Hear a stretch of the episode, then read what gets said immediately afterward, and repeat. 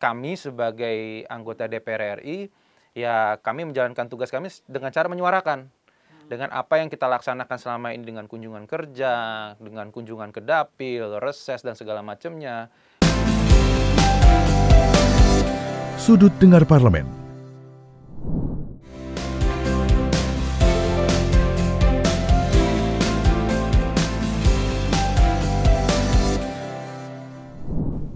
Halo apa kabar pendengar radio parlemen dan penonton TV parlemen? Berjumpa lagi dalam program Sudut Dengar Parlemen.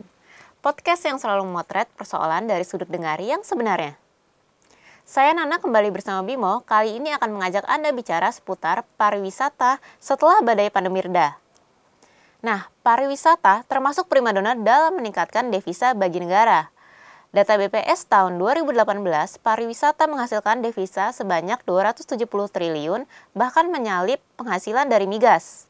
Pandemi COVID membuat semua angka pariwisata turun di tahun 2019, yaitu 16 juta lebih wisatawan. Di tahun 2020, turun menjadi 4 juta, sehingga devisa juga merosot sampai 80 persen.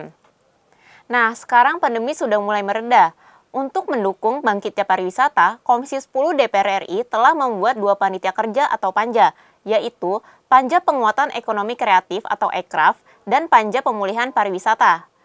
Pemerintah juga telah menyiapkan sejumlah insentif bagi pelaku wisata. Nah, bagaimana DPR RI mendukung pemerintah membangkitkan sektor pariwisata? Dan apakah agenda besar G20 dan P20 ini bisa mendongkrak pariwisata kita? Nantikan bahasanya lebih dalam di podcast Sudut Dengar Parlemen. Sudut Dengar Parlemen. Baik pendengar radio parlemen dan penonton TV parlemen, saya Nana dan Bimo sudah bersama narasumber nih. Nah, siapa nih Bim narasumbernya? Baik, terima kasih rekan Nana dan pemirsa dan juga pendengar TVR dan Radio Parlemen. Pada kesempatan siang hari ini kita kedatangan salah satu narasumber di mana uh, narasumber kita pada kesempatan kali ini berasal dari Komisi 10 yaitu fraksi Partai Demokrat Dapil Jateng 6.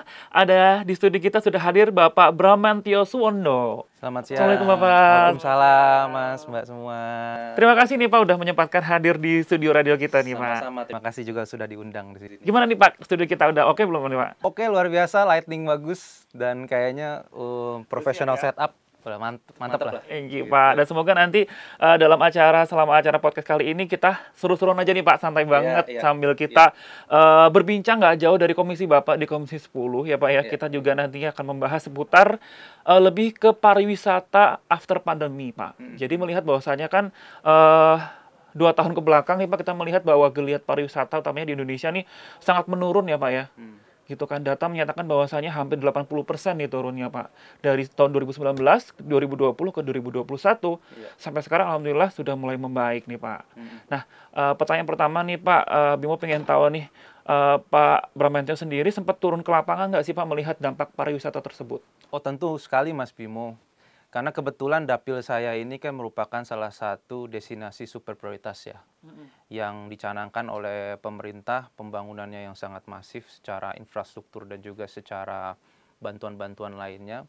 Saya melihat sekali bahwa geliat yang seharusnya sudah meningkat dari mulai dari ditetapkan sebagai destinasi super prioritas harus terkendala yang namanya dengan tertahan dengan kondisi pandemi. Iya. Jadi yang saya rasakan secara betul dan saya melihat secara detail di lapangan adalah yang pertama adalah tingkat okupansi, Mas. Okupansi perhotelan itu sangat-sangat tiarap. Bisa dibilang mendapatkan 10% dari eh, total eh, okupansi saja udah udah sangat-sangat dibilang beruntung sebenarnya.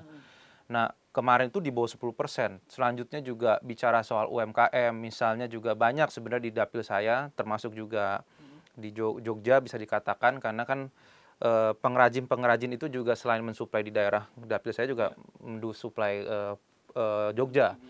Nah, itu bisa dikatakan hampir sama sekali tidak ada penjualan. Jadi saya pernah ada bicara dengan salah satu pengrajin silver perak. Itu bisa dikatakan eh, stok di tahun 2019-2020 aja susah untuk dijual. Sedangkan se- sebelumnya kalau misal sebelum masa pandemi yang namanya eh, wisatawan mancanegara, dalam negeri yang biasanya datang ke Jogja mencari yang namanya souvenir silver itu